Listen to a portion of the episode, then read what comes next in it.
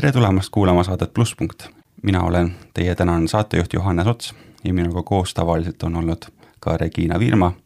aga täna ta kahjuks meiega liituda ei saa, sest ta on taastumas hambaoperatsioonist ja ta arvas, et oleks parem, kui ma teeksin äh, täna saadet äh, siis saatejuhina üksinda,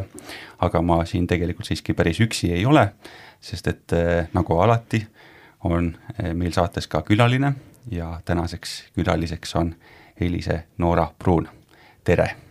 tere! Kõigepealt siis Elise, äkki sa tutvustaksid ennast, et kes sa oled? ahhaa ähm,, hetkel esimesena tuleb kohe roll, on ju, et äh, olen Tartu Pauluse koguduse noortejuht. Ähm,. olen veel äh, ema, olen äh, õde. Olen tantsuõpetaja hariduselt, jah, sellised elemendid praegu tulid üles nii et väga mitmekülgne inimene on mulle täna siia saatesse tulnud minuga vestlema ja ähm, tänaseks teemaks siis, millest me tahaksime rääkida siin äh, selles saates, on kuidas Jumala kutse on elu muutev. ja ma arvan, ma räägin tegelikult väga õige inimesega, sellepärast et Elise, sina ju äh, kogu elu kristlane ei ole olnud. et äh, kuidas see siis nagu niimoodi äh, juhtus, et sa sündisid siis mittekristlikusse perekonda, kas sa oskad nii raskele küsimusele vastata jah, kuidas see niimoodi juhtus? ma arvan, et äh, see on nagu selles mõttes üsna tavaline kogemus, äh, kui mõelda niimoodi Eesti riigile, mm, ühiskonnale laiemalt, et, et noh, teame ju statistiliselt, et suurem hulk eestlasi sünnivad mittekristlikesse peredesse. kui sa said kristlaseks, kui vana sa olid siis sellel hetkel? ma praegu jään niimoodi kiirelt kohe vastuse võlgu, ma ei mäletagi nüüd täpselt, aga kui ma hakkan tuletama, siis ähm, ma olin mm, kas kakskümmend, kakskümmend kolm või kakskümmend neli, midagi sellist. ilmselt, jah. Ja mida sa arvasid kristlastest enne seda, kui sa ise nagu said Jumalaga tuttavamaks? no ma arvan, et see oli ka selline üsna noh, ühiskonnast üle võetud ähm, äh, eelarvamus, et äh, pigem oli selline üsna negatiivne hoiak ja selline, kuidas seda isegi väljendada. No tegelikult ma olen seda tagantjärele natuke nii mõelnud, et, et ma, ma arvan, et ma mõtlesin, et ma nagu tean paremini ikkagi kuidas asjad on et, et ja, ja kuidagi see tundus väga võõras ja väga nagu kuidas öelda, aegunud või, või selline vanamoodne ja. aga kui palju kristlasi sa tundsid, kellega sa olid kokku puutunud enne seda, kui sinust sai kristlane?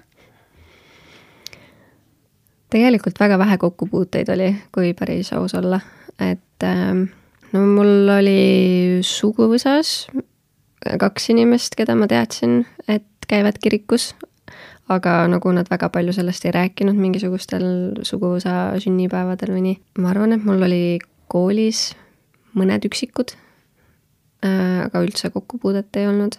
et esimene selline noh, mis muidugi tegelikult ei olegi ju noh, kristlus sellises mõttes, nagu me sellest täna räägime, aga et esimene kokkupuude sellise praktiseeriva usulahu esindajaga oli mul klassivend gümnaasiumis, kes oli Jehova tunnistaja. et äh, aga kus noh, mis on ka huvitav, et kuidagi temaga rääkides mingitel teemadel noh, kuidagi see nagu tõusis mu teadvusesse selline mõte, et ahaa, et nagu kuidagi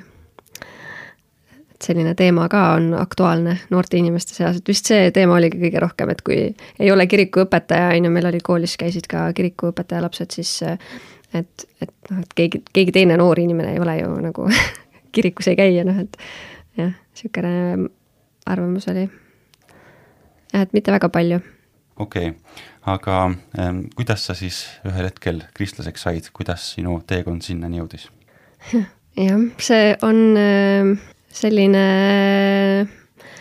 lugu, et, äh, et ma tutvusin ülikooli õpingute ajal äh, ühe noormehega,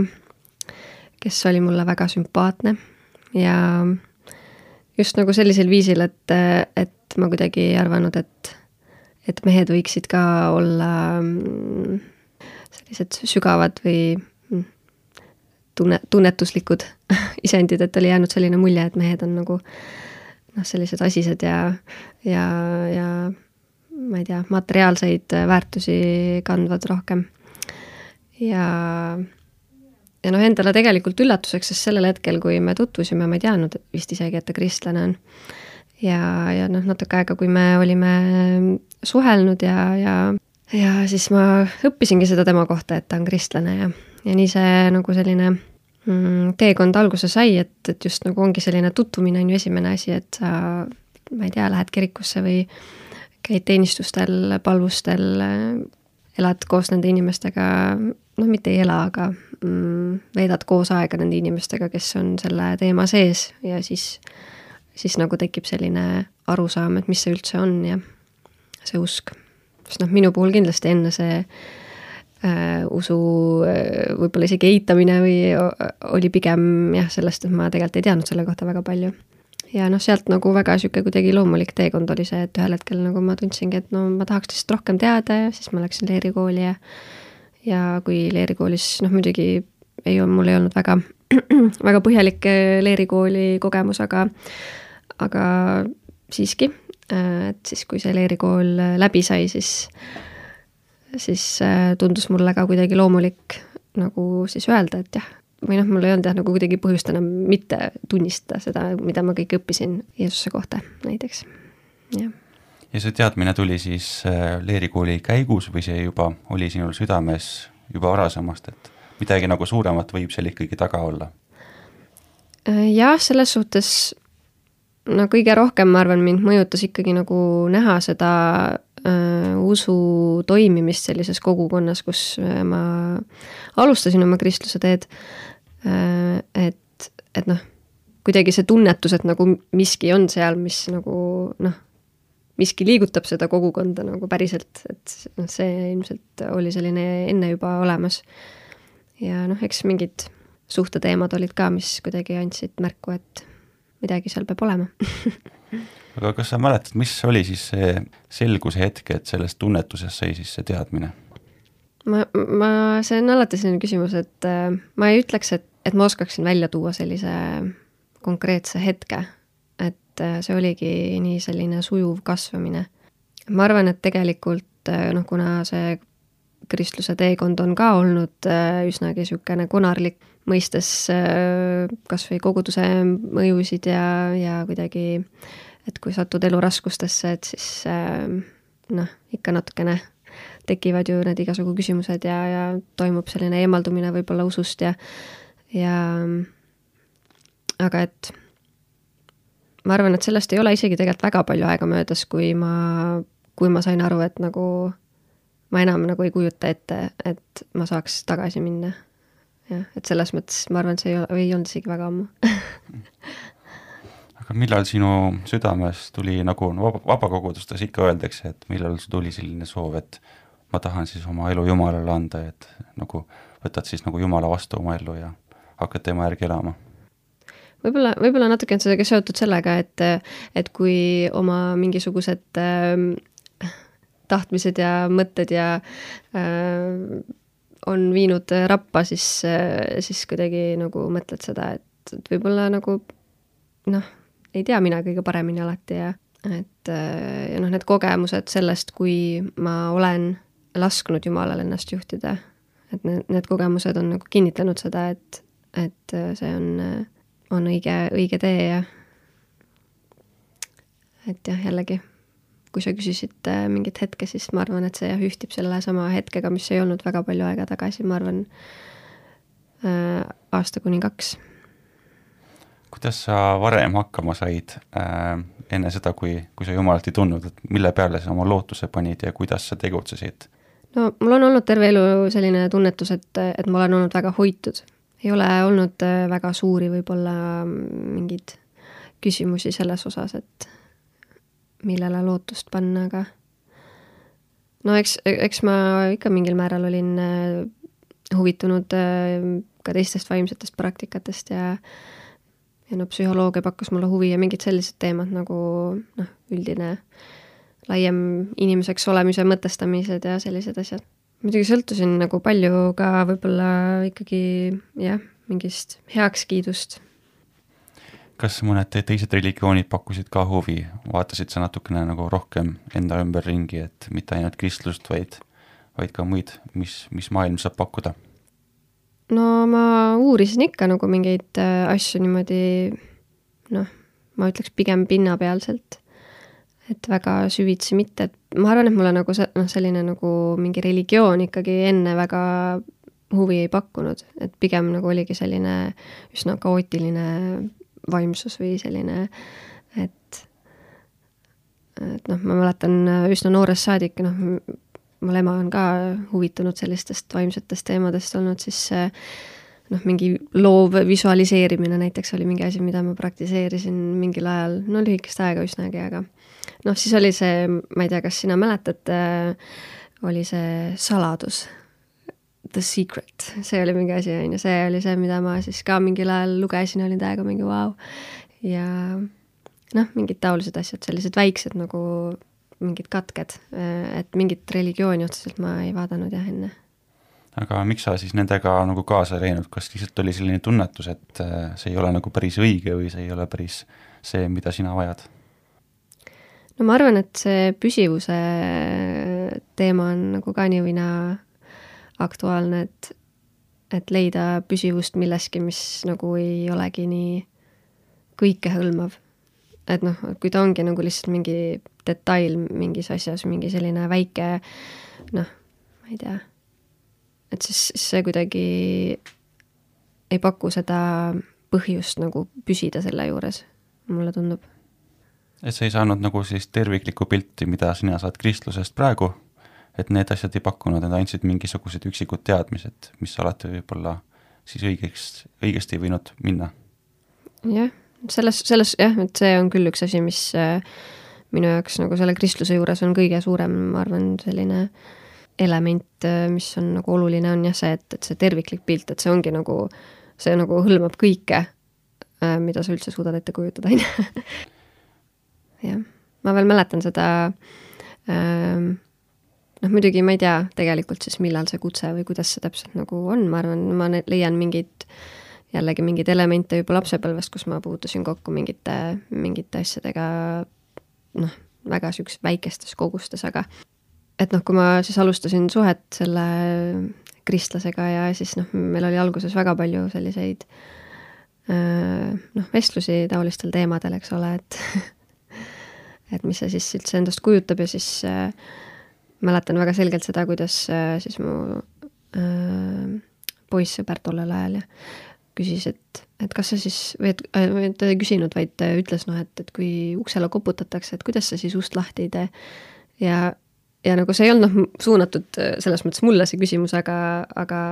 noh, see oli see, kuidas tema nagu ära tundis äh, ja noh, mingis mõttes see on ka minu kogemuses nii olnud, et et noh, tollel hetkel mul oligi, ma sain öelda, et nagu noh, ma ei tea, minu uksele pole keegi koputanud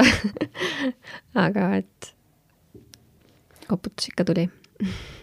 ja kui tuli see koputus, siis, siis oli seda ust väga raske lahti teha või tahtsid sa kuidagi nagu kinni hoida sellest, mis sinu, missugune sinu elu nagu varem oli? jah, alguses oli, oli küll jah, väga-väga suur tahtmine kinni hoida. Äh, et äh, noh, kõik see ju tundus võõras ja, ja just jah see, ma arvan, et sellest ju ongi kõige raskem lahti lasta, kui sa oled nagu kuidagi võtnud pähe, et, et sa tead paremini et äh, seda uhkust on raske murda. aga mis siis lõpuks selle ukse avas, kas sina tegid ise lahti või jumal lihtsalt prõmmis lõpuks ennast ise uksest läbi? mulle tundub, et eh, noh, et kui ma mõtlen nagu selle nii-öelda sellise usuvõitluse peale, mis on olnud, siis eh, eks see on natukene selline prõmm, prõmmitamine nagu mõlemale poole olnud, et, et äh, aga noh, et kui ma mõtlen ikkagi selle peale, et, et kui suur selline tõmme on olnud nagu eemale sellest ka mingitel eluhetkedel, siis siis ma arvan, et või noh, see tunnetus on olnud ikkagi see, et, et ikkagi Jumal on nagu mind ikkagi tõmmanud enda juurde selles mõttes, et see on niipidi nagu rohkem olnud. nagu kuidas see tõmbamine siis nagu välja näeb, et kas see, tuleb läbi ülistuslaulude, tuleb läbi piibli, tuleb läbi teiste kristlaste, mille kaudu see nagu on kõige rohkem sind tõmmanud? jah, läbi teiste kristlaste, ma arvan, minu puhul, et äh, noh, ongi need mingid kutsed äh, mingisugustele üritustele, noh, kaasa teenima. Ja kuidagi see kogemus sellest, et kui ma seda teen, et siis see nagu täidab mind ja on tähenduslik. no need, neid asju nagu ma olengi, ma arvan, otsinud ja, ja näinud seda, et, et kui noh, mis iganes see teine mingi asi on, mis tõmbab kuskile, siis et seal ma ei ole neid asju tundnud nagu, et see täidab mind ja, ja et sellel on nagu kuidagi selline tõesti sügav tähendus. aga kuidas siis sellest nagu täpsemalt aru saada, et kui meil näiteks kuulajate seas on mõni inimene, kes võib-olla seda tunnet veel ei, ei ole saanud Jumala käest, et teda nagu väga kutsutakse kuhugi äh, Jumala poolt, et siis äh, noh, kuidas see lõpuks ikka nagu ära tunda ikkagi enda sees? no ma ei oska nagu sel-, selliselt õpetuslikus mõttes võib-olla nagu kuidagi anda mingit vastust, aga aga noh, minu kogemuses noh, ongi sellised hetked, kus äh, sa oled millestki unistanud, midagi mõelnud, midagi plaaninud, midagi, et oh, nüüd nagu tahaks midagi sellist oma ellu või noh, ma ei tea, otsid, et mingi, mingi aeg on mul elus üle, mida ma tahan kuhugi panustada ähm, et okei okay,, et kas ma lähen nüüd kogemusnõustajaks õppima või ma teen oma tantsukooli, olid mu kaks varianti. ja, ja siis kuidas see, et, et see isegi ei ole olnud sinu mõte, aga järsku tuleb nagu mingisugune, täiesti mingisugune väline sisend nagu tuleb niimoodi ja sa tead, et see on see, mis ma pean tegema, minu kogemus oli selline lihtsalt, et tuli seesama noortejuhiks äh, äh, saamine, tuli nii, et kõigepealt tuli see aeg, mida ma tundsin, et mul on kuhugi panustada.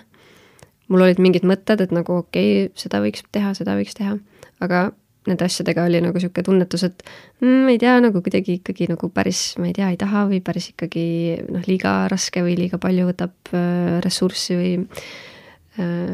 päris täpselt ei tea, kuidas teha, aga et siis, siis tuleb see asi sisse ja on nagu, et täpselt nagu täiuslik selline kogus äh, panust ja täpselt täiuslik kogus nagu äh, ja noh, ongi seda tähenduslikkuse tunnet on ju ja kõike seda, et ma ei tea, kas see vastas midagi? jaa, see vastas väga palju, aga kas see tunne on alati samasugune, et sul on kuidagi nagu see kindlus sees olemas ja kõik läheb täpselt nii, nagu plaanipäraselt? ei no kindlasti ei ole, kindlasti ei ole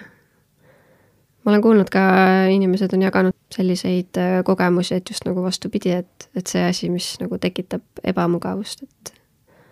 et see on siis nagu see, mis, mida Jumal kutsub tegema, et noh, et inimesed ikka tahavad teha neid asju, mis on hästi toredad ja kuidagi meeldivad ja et kui see on see, et tuleb kuskilt see mõte, noh näiteks missioonitöö lugusid olen kuulnud, on ju, et et oh, et mine sinna ja, ja noh, tegelikult ei ole ju rahagi ja ja mitte midagi ei ole ja aga siis lihtsalt usaldada, see on nagu eriti teistsugune kogemus sellest, mis mul seni on olnud ja no võib-olla ma lihtsalt ei ole veel valmis nii sellisel viisil kuidagi isegi võtma vastu või noh, selles mõttes, et valmis selles mõttes, et ma olen valmis küll, aga et äh, selles mõttes valmis, et äh, ma ei olegi võib-olla tundnud ära mingeid selliseid eriti raskeid äh, väljakutseid väga tore, äh, aga nüüd on aeg tegelikult meie esimeseks lauluks ja Elise, kui sa oleksid nii hea ja ütleksid meile, mis see esimene laul võiks olla, mis täna siin kõlama hakkab? Äh, mina tahaksin koos kuulajatega kuulata äh, vend Joonase esitust Jeesus, Jeesus. jaa, see laul on täitsa hea laul, nii et võimegi seda nüüd kuulama hakata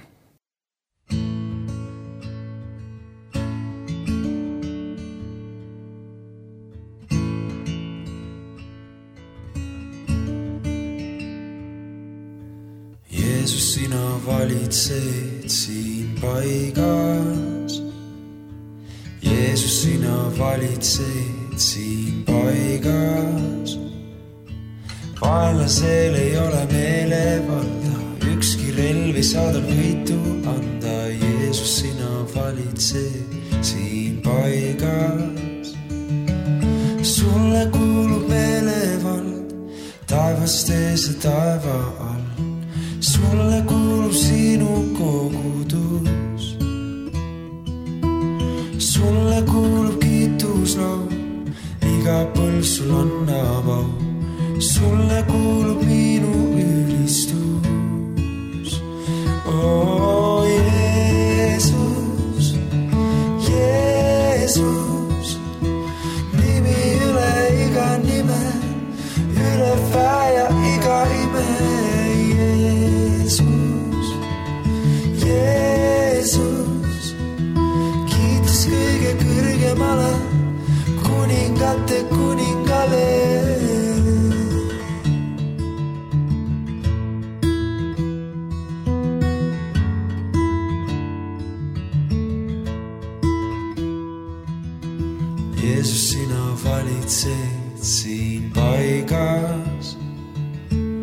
Jeesus, sina valitsed siin paigas.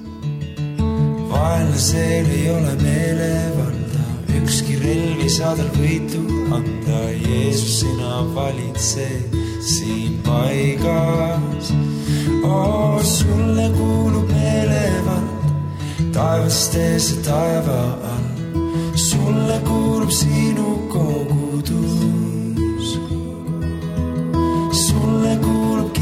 kiituslaul, iga põlv sul annab au. sulle kuulub minu ülistus. oo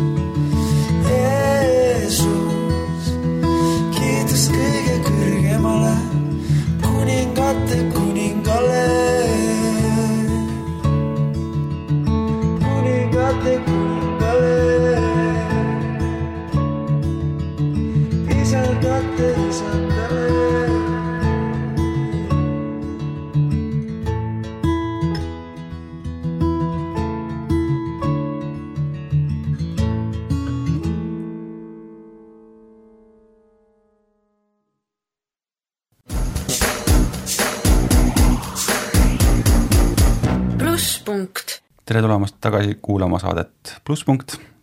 ma olen Johannes Ots ja minuga koos on saatekülaline siin Elise Noora Pruun ja me oleme rääkinud teemast, kuidas Jumala kutse on elu muutev.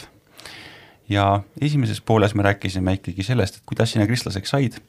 aga äh, räägime siis nüüd natukene ka sellest, et missugune sinu elu siis äh, nende viimaste aastate jooksul on olnud, siis kui sa oled olnud kristlane. sa hakkasid siis käima, ma saan aru, selles koguduses, kus sind ristiti? jah, et selles, selles mõttes ma hakkasin käima seal äh, koguduses, noh, kõigepealt ju nagu mitte mm, koguduse pärast või mitte nagu selle äh, usu pärast, on ju, et äh, vaid noh, inimese pärast ja, ja siis äh, sellest sai minu kogudus ja, ja siis ma mõnda aega elasin seal äh, isegi selles kogukonnas nagu sees ja jah, see oli jah, minu, sai, sellest sai minu esimene kogudus. ja kuidas seal siis nagu tegutseda oli ja, ja millised siis sinu need äh, koguduse kaaslased olid, kellega sa seal kokku puutusid? kui ma seal koguduses tegutsesin, ma olin üsna selline, ma ütleks nagu passiivne nagu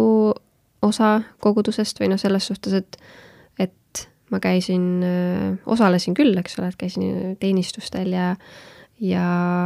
osalesin palvustel, kui need veel toimusid ja noh, seal olid ka need Andrease õhtud, kus oli selline mitte päris võib-olla piiblitund, aga selline sisuline äh, pool äh,. et ma osalesin nagu kõikidel nendel asjadel, aga, aga kuidagi sellist äh, teenimise kohta ma väga ei leidnud, et noh, seal noh, see teenimine ka, koguduse teenimine oli natukene noh, selle küla eluga nagu läbi põimunud, et et, et töötegijad nagu justkui ka kaudselt siis äh, teenisid ähm, kogudust, et, et noh, erinevaid tööülesandeid ma ka seal äh, tegin. näiteks äh, juhatasin üks aasta siis kohvikut jah, et see, see kogudus oli selline natukene nagu, nagu äh, sõpruskond või vähemalt nagu see osa, kellega ma suhtlesin, et tegelikult noh, kindlasti seal on koguduses ju veel inimesi, aga aga noh, räägime siis nendest praegu, kes noh, käisid seal niimoodi kohapeal või siis lausa elasid seal kohapeal, et et noh, selline natuke jah, nagu sõpruskond.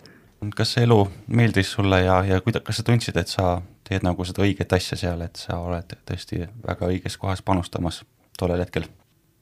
tollel hetkel ma arvan, et ma tundsin ennast natukene nagu kõrvalisena äh,, aga mitte nagu, mitte kuidagi mingisuguse koguduse nagu põhjustel või pigem nagu see, et et need inimesed, kes seal olid, need olid juba pikalt nagu koos noh, elanud ja toimetanud ja ja kuidagi tulin, ma tulin kuskilt väljast ja nagu, aga ilus oli see aeg küll, ma ütleks. aga noh, ma ei ole lõpuni kindel, kas nagu õigetel põhjustel. kuidas sinu meelest on nagu õige, et eh, koguduses need rollid ära jaotatakse, kes mida teeb? ja et eh, kõik tunneksid, et nad on väärtustatud ja nad on õiges kohas, kui nad teevad seda tööd no eks see on nagu ideaalmaailmas ähm, võiks ju nii olla, et, äh, et kõikide inimeste siuksed jumala antud annid leiavad kasutust ja, ja et äh, noh, nüüd ma muidugi jään mõtlema, et kas see ikka on nii, et, et keegi ei peaks tegema seda, mida, mis võib-olla kuidagi on ebamugav, aga noh, tegelikult samas see on ju ka kasvamine. ma arvan, et see kõik äh, rajaneb sellisele usaldusele, nagu kogukonna usaldusele, et, et me kõik tahame head ja et see asi toimiks. miks sa arvad, et Jumal annab vahel selliseid ebameeldivaid ülesandeid inimestele? ühest küljest, et, et areneda inimesena teisest küljest, et õppida paremini tundma seda, kes sa siis oled, mis sulle meeldivad, mis on sinu tugevused, mis on sinu võib-olla mitte nii tugevused ähm, aga samal ajal noh, ma mõtlen, et on ju ka asju, mis nagu lihtsalt vajavad tegemist ja, ja see on ka teenimine, osa teenimisest, jah. kuidas ära tunda, et Jumal on just sulle selle ülesande andnud ja et see ei ole tulnud äh, lihtsalt kusagilt mujalt, vaid et Jumal tahabki, et sa seda ülesannet teeksid. Ega teisiti, ma arvan, ei saagi, et kui, või noh, mina mõtlen enda kogemusest küll, et et kui ma tunnen, et need annid, mis mulle on antud ja ma saan neid rakendada, et siis, siis see peab olema ju see, et et, et Jumal on mind sinna juhtinud. kuidas su suhe Jumalaga oli siis, kui sa olid just saanud kristlaseks ja hakkasid seal koguduses tegutsema, et et sa tundsid nagu head meelt selle üle ju, et sa oled seal ja ja et sa veetsid palju koos Jumalaga aega või kuidas see alguses oli? no alguses minu suhe Jumalaga oli väga abstraktne et see ei olnud üldse selline isiklik suhe, nagu ma ütleks, et praegu mul on, et ähm, et hästi palju selline võib-olla isegi filosoofiline või selline mõistuslik jah, et nagu kuidagi küsimus oli rohkem selles, et kuidas, kuidas maailma mõtestada ja mis tähendab olla hea inimene ja noh, mis on ka nagu olulised küsimused, aga lihtsalt, et jah, et see on nagu mingis mõttes selline rohkem jah, mõistuslik ja filosoofiline. ja mida sa siis mõtlesid Jumalast, et sa olid just hiljuti saanud teada, et ta on nagu olemas ja et, et ta on selline kõikvõimas ja väga hea, aga mis on need nagu isikuomadused, mida sa mõtlesid, et Jumalal võib olla? hmm. ma, ma arvan, kõige esimene selline asi, mida ma ära tundsin, oligi see andestuse osa, aktsepteerimise osa või noh, selles mõttes andestuse siis äh,, aga just, et, et äh, kuidagi noh, võib-olla mul varem oli raske leppida nagu mingite asjadega elus, et et ma selline olen või selliseid asju teen, aga et kuidagi seda ma tundsin ära Jumalast, et et läbi selle ta vabastab minust need asjad, et, et ta näeb ka kuidagi seda noh, miks võib-olla mingeid asju on raske teha või, või mingeid asju on raske mitte teha või et äh, jah, et endale vahel on, ma arvan, raskem andestada, kui noh, kogemus ütleb, et, et Jumal andestab äh, kergemini mis on esimesed asjad, mida sa said Jumala kohta teada? esimesed asjad? jah, et nagu mõtlen, mida sulle räägiti kas kellegi pastori poolt või mida sa piiblist lugesid? no ma arvan, et võib-olla esimene asi, millega ma suhestusin, noh, praegu see on selline natuke oletusega, ma nagu hästi ei mäleta, aga see loomise aspekt nagu, et, et looja. Ja noh, kuna ma ise olen loominguline inimene, siis see oli nagu selline koht, kus nagu kuidagi leida mingisugust äh, ühendust. Ja ma arvan, et nagu see, et noh, paljud mittekristlased ka ju armastavad käia looduses ja tunnevad nagu sellist äh, noh, selle looduga siis või läbi selle loodu nagu mingisugust äh, ühendust äh,, aga just nagu kuidagi mõista või noh, mõista seda, et, et see on nagu looming, kellegi loodud ja andis mingi uue perspektiivi sellele, äh, kuidas ma nägin loodut ja, ja loojat ka. no eks see isa figuuri teema ka ilmselt, et, et noh, ma olen ilma isata kasvanud ja ja siis selline pöörduda kellegi poole, et hea taevane isa, et siis kuidagi nagu see isa element ka oli, ma arvan, kõnetas mind. Ja noh, ma, ma ei tea, kuidagi mälet-, mäletan ka sellist noh, seda Vana Testamendi jumalat, kes, kes tegi ikka noh, nagu selliseid kärtsu ja mürtsu või kuidagi niisugune mingi asi ka tuli alguses. siis võib-olla ruttan ka natuke ette asjadest, ma ei tea, kas tuleb selliseid küsimusi, aga aga et Jeesuse kohta ka mulle ikka meeldib, meeldib seda öelda, et et, et see minu jaoks kõige suurem selline nagu avastamine või ma ei teagi, arusaamine, et, et Jeesus oli nagu ju tõeline revolutsionäär et see nagu selline äh, power sellest tihti kuidagi läheb kaotsi, mulle tundub, kui äh, noh, ma mõtlen mitte kristlaste seas, aga, aga just nagu väljaspoole läheb kaotsi. jah, mida aeg edasi, seda isiklikumaks on läinud see suhe ja noh, kas või juba see, et et Jeesus on äh, minu pattude eest surnud, siis noh, see, noh, sellised nagu elemendid sealt on tulnud äh, esile ja, ja kuidagi on noh, ikka väga palju sügavamale minu olemusse läinud. kas oskaksid ette kujutada, missugune su elu võiks olla, kui sa ei oleks Jumalaga lähedasemaks saanud? ausalt öeldes väga ei taha ette kujutada, selles mõttes, et ähm, noh, nagu ma natuke ka juba mainisin, siis äh, teatud sellised eluraskused, äh, mis tulid, siis äh, ma arvan, et on väga palju, mis oleks võinud minna väga valesti, kui ei oleks olnud sellist juhtimist. et noh, nii targaks ma ennast ei pea, et ma nagu annaksin selle tarkuse, mis ma tunnen, et millega mind on juhitud läbi nendest raskustest, et noh, ma ei võta seda omaks, ma,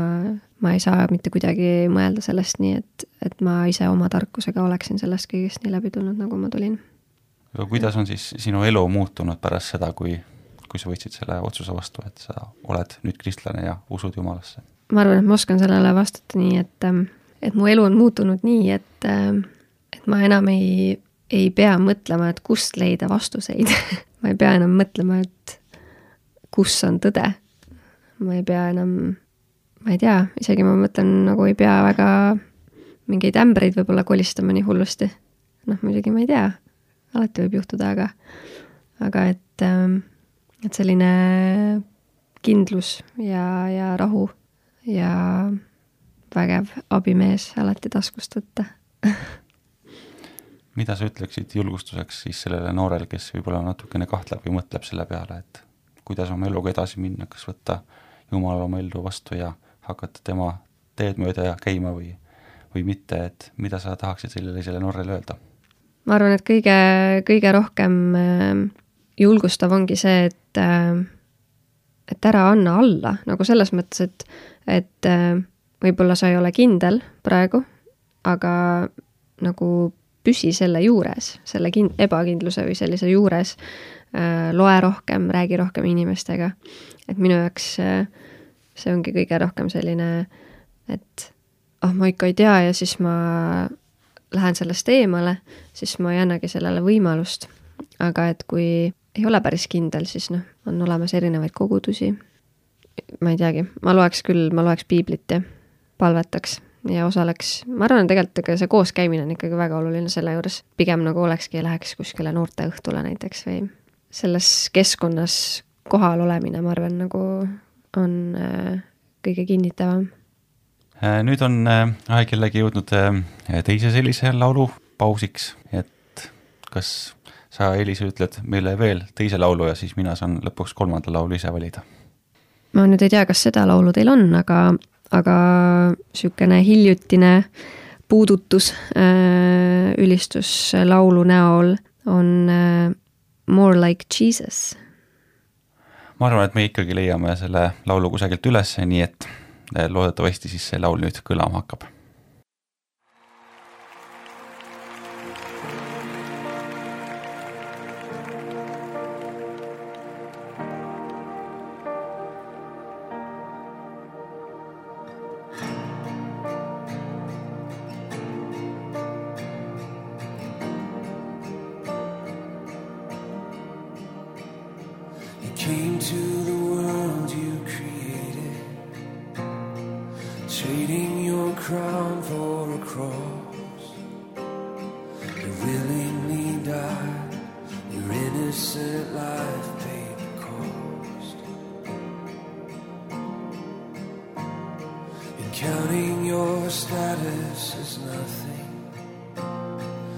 King of all kings came to serve washing my feet, covering me with your love. If more of you means less of me, take everything. Yes, all of you is all. Take everything.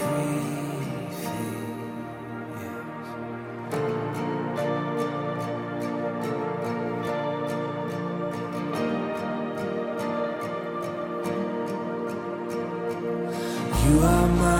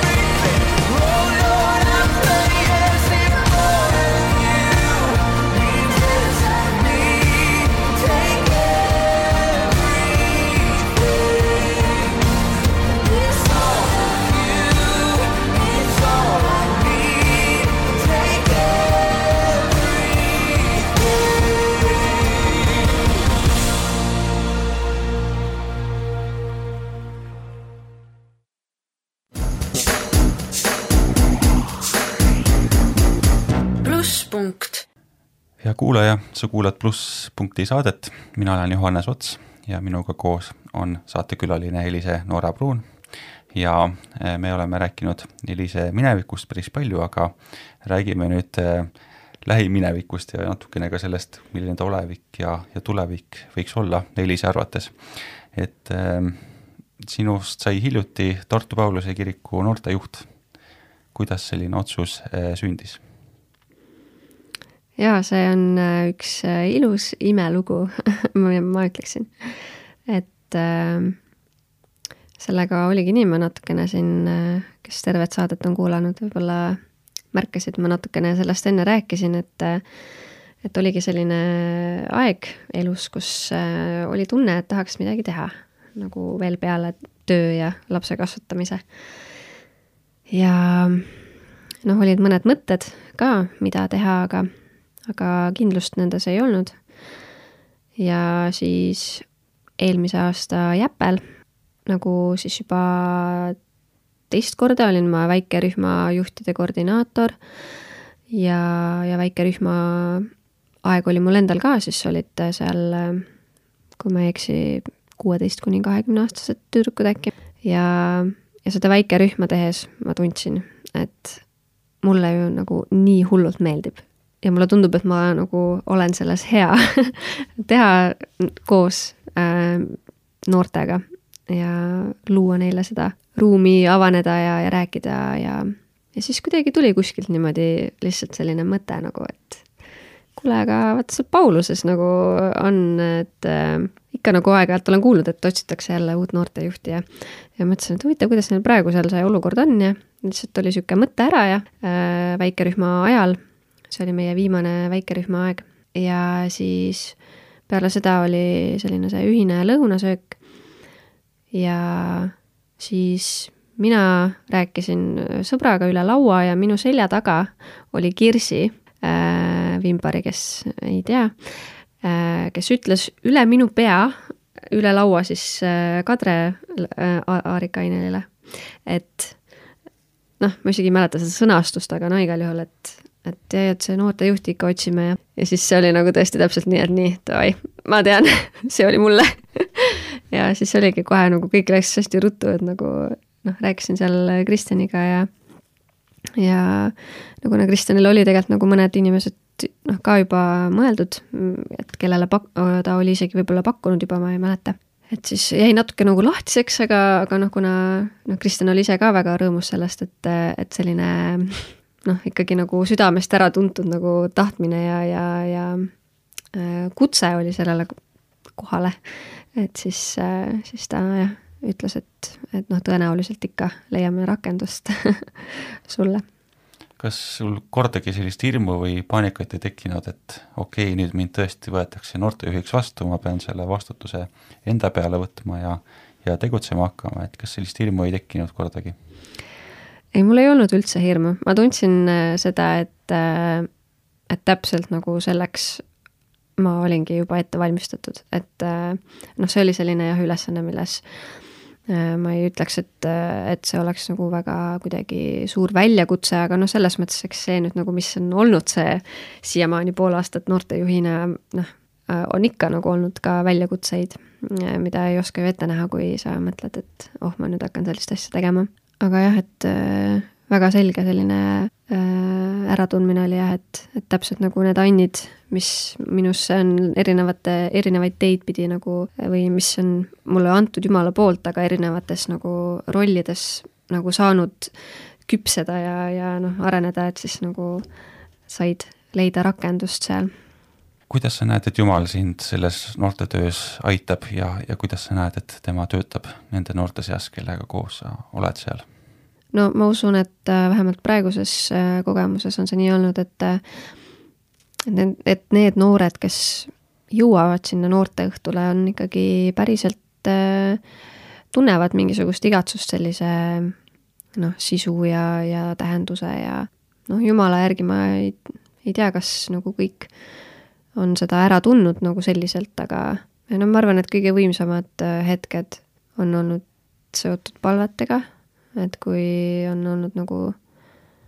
palvetamise hetked noorteõhtutel, et see on äh, alati kuidagi, kohe tunned, kuidas vaim liigub ja, ja liigutab noorte südameid. ja kas sa tunned, et ähm, Jumal töötab ka nende noorte sees ja oled näinud, et need noored on muutunud ka Jumala kutse peale natukene teistsuguseks, paremateks võib-olla inimesteks. No mulle meeldib kõige rohkem näha nagu seda mingit sära nagu silmades, kui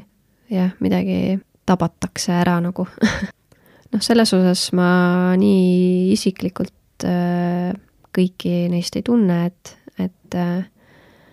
et teada, millised nad olid enne ja, ja isegi ka, et millised nad praegu on, et et eks see võtab aega, et nagu sellist ähm, sügavamat äh, suhet nagu tekitada, et aga noh, ega jumal ei saa midagi halvemaks teha, et ma loodan ja usaldan, et ikka paremaks teinud asju. kas sina arvad, et Eesti noorte tulevik ähm, suures osas ikkagi nagu vaatab üha rohkem Kristuse poole või, või kuidas võiks Eesti nagu noore tulevik olla siin, siin Eestis elades, et tuleb ikka nagu rohkem noori peale, kes kes usuvad Jumalasse või mitte? ühest küljest ma tunnen, et äh, see Nõukogude aja nagu mingisugune usu usuviha või usu, usuleigus, usukaugus äh, noh, hakkab leevenema, et, et, et see, seda küll. ja noh, ma tean, et äh, see aeg, kui, kui oli koroonaaeg, et noh, siis ka igal pool osalemine jäi ju kõvasti vähemaks. aga kuna nii palju, kui ma olen näinud vähemalt Pauluse koguduses, on äh, äh, lastetöö äh, päris elav, et kasvavad peale, et varsti on nad noored. Millele võiks siis tänapäeva noor äh, toetuda ja keskenduda, et äh, tulevikus hästi hakkama saada? noh, sellele on nagu lihtne vastus ja või lühike vastus ja pikem vastus. no igatahes, no see on ka jälle kuidagi sihuke leierdatud äh, teema, aga igal juhul sellises, mida võiks kutsuda ju tõejärgseks, vist öeldakse nii, tõejärgne ühiskond, et on nagu see, seda infot lihtsalt tuleb nagu ma ei tea, seda ei ole võimalik mitte kuidagi hoomata isegi, missugune info tuleb äh, telefonist ja kõigest sotsiaalmeediakanalitest ja, ja kogu see maailm on lihtsalt äh, see oleks nagu see kõige esimene asi, mida ma nagu välja toon sellest, et et õppida, õppida tulema sellesse hetke kohale, kus sa parasjagu oled ja, ja, ja mõtlema mõtteid. Et äh, julgeda tunda igavust ja, ja jah, et ei, ei ole nagu see kiire niisugune leevendus kogu aeg, et, et on mingi ebamugav mõte ja siis ma pe-, jooksen sellest peitu sinna telefoni, et selline aja ja ruumi andmine endale annab ka sellisteks igavikulisteks küsimusteks ruumi, et kui lihtsalt lappad või jooksed kiirelt kuskile ebamugavuse eest ära mhm. kogu aeg, siis, siis jah, ma ei tea, kas nii on võimalik üldse Jumala juurde jõuda, aga et äh, telefon käest ja, ja siis võtta piibel kätte aga selliste ilusate mõtetega ongi paslik meie saate nüüd lõpetada lauluga ja äh, selleks viimaseks lauluks on Cody Carsilt Run to the Father. ilusat päeva, õhtu või hommiku jätku, millal iganes te saadet kuulate. ja loodetavasti oleme varsti jälle tagasi ja seekord koos Reginaga ja uue saate külalisega. aitäh minu küsimustele vastamise eest, Elise Noora Pruun ja soovime siis palju jõudu Tartu Pauluse kogudusele ja noortetööle. aitäh